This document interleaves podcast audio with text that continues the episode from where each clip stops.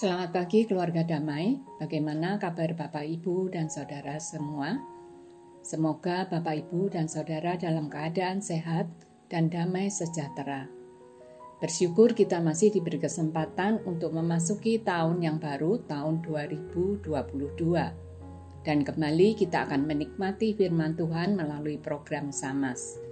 Mari kita berdoa sebelum merenungkan firman Tuhan. Tuhan Yesus kami bersyukur untuk kesempatan baru yang Tuhan berikan kepada kami, kehidupan yang masih Tuhan anugerahkan kepada kami. Kembali kami akan merenungkan firman Tuhan, kiranya Tuhan menolong kami.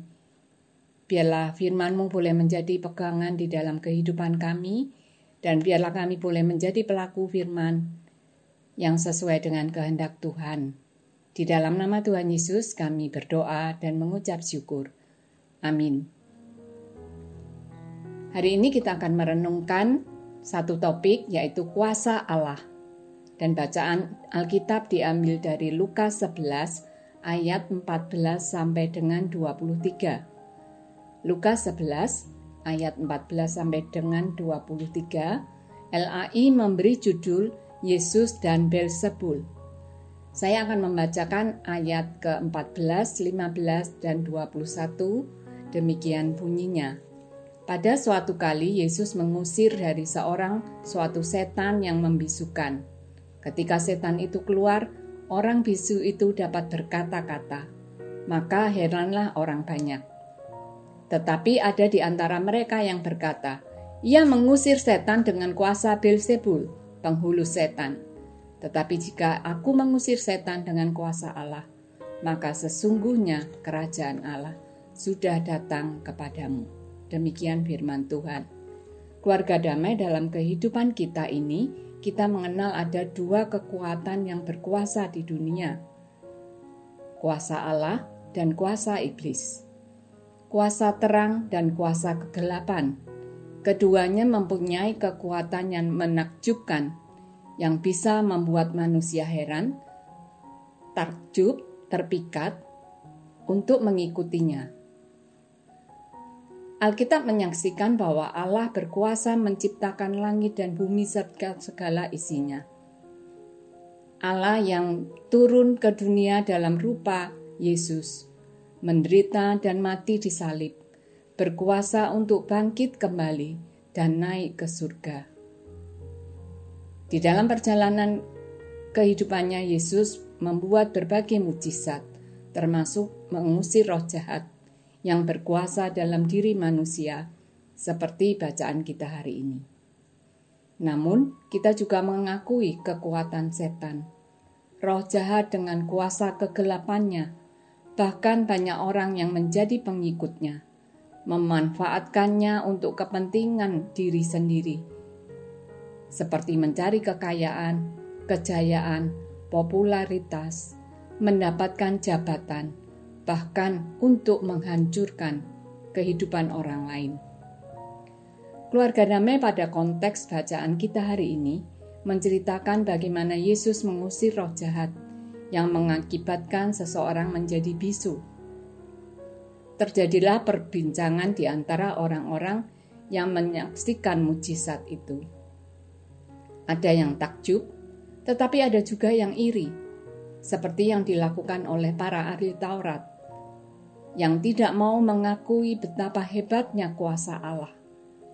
Pada ayat 15 tertulis, tetapi ada di antara mereka yang berkata, ia mengusir setan dengan kuasa Belzebul, penghulu setan. Siapakah Belzebul? Belzebul adalah nama lain dari iblis atau setan. Kita bisa membacakan menemukan nama Belzebul dalam kitab Matius Markus, dan Lukas. Belzebul adalah penguasa tertinggi dari kerajaan kegelapan. Pada zaman itu, orang-orang mengakui bahwa Belzebul adalah setan yang paling hebat, sehingga mereka menuduh Yesus mengusir setan dengan kuasa Belzebul. Seperti biasanya, Yesus dapat menjawab tujuan mereka. Ia juga menjelaskan pada orang banyak ada kuasa yang lebih hebat dari kuasa setan, yaitu kuasa Allah. seperti yang tertulis di ayat 17 sampai 19. Bagaimana mungkin setan mengusir setan? Kalau setan mengusir setan, sama saja setan melawan dirinya sendiri.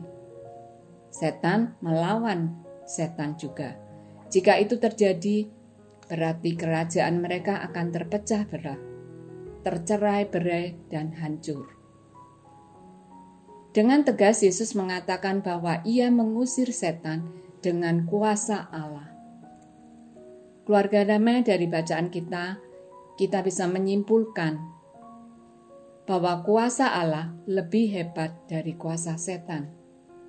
Bahkan kuasa penghulu setan pun takluk pada kuasa Allah. Dan Allah juga berkuasa untuk menghukum iblis dan pengikutnya, yaitu manusia yang mengikuti atau menggunakan kuasa kegelapan. Kita bisa membacanya di kitab Wahyu 20. Yang kedua ketika Yesus mengusir setan dalam kehidupan kita, maka kerajaan Allah sudah hadir di tengah-tengah kita.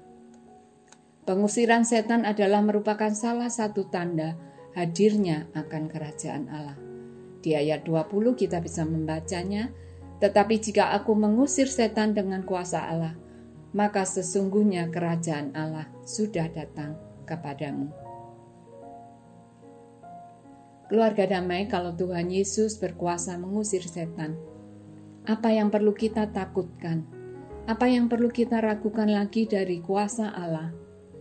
Tuhan kita memiliki kuasa Allah yang juga berkuasa menolong kita dalam mengalahkan kuasa kegelapan yang menolong kita juga di dalam kehidupan, pergumulan hidup kita, permasalahan yang kita hadapi. Jika saat ini kita sedang dikuasai atau menjadi korban kuasa kegelapan, mari kita terus mencari dan mendekatkan diri kepada Tuhan. Tetap percaya dan berharap kepada Tuhan. Keluarga damai, jika ada di antara kita yang menggunakan kuasa kegelapan, mari bertobat. Tinggalkan iblis, datang kepada Tuhan agar Tuhan menolong kita, melepaskan kita dari jerat iblis dengan kuasa Allah. Roma 16 ayat 20 mengingatkan kita, semoga Allah sumber damai sejahtera segera akan menghancurkan iblis di bawah kakimu. Kasih karunia Yesus, Tuhan kita menyertai kamu. Amin. Mari kita berdoa. Tuhan terima kasih kalau hari ini kami masih boleh merenungkan sebagian dari firman Tuhan. Kami boleh diingatkan kembali akan dua kuasa kekuasaan terbesar di dunia ini. Kuasa Allah dan kuasa setan. Tuhan, ampunilah kami kalau sering kami melupakan akan kuasa Allah Allah yang berkuasa menolong kehidupan kami, Allah yang berkuasa untuk menghancurkan kuasa kegelapan. Karena itu Tuhan, tolonglah kami, supaya kami boleh menjadi pengikut Tuhan yang setia, hidup takut akan Tuhan, dan terus melekatkan diri pada Tuhan supaya kami boleh melawan kuasa kegelapan, kuasa iblis yang terus mencari kelemahan kami. Dan jika di antara kami ada yang menjadi pengikut kuasa kegelapan, kuasa setan, Tuhan kiranya menolong.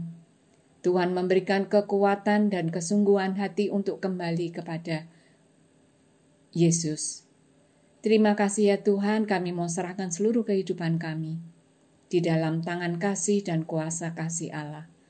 Hanya di dalam nama Tuhan Yesus, kami berdoa dan mengucap syukur.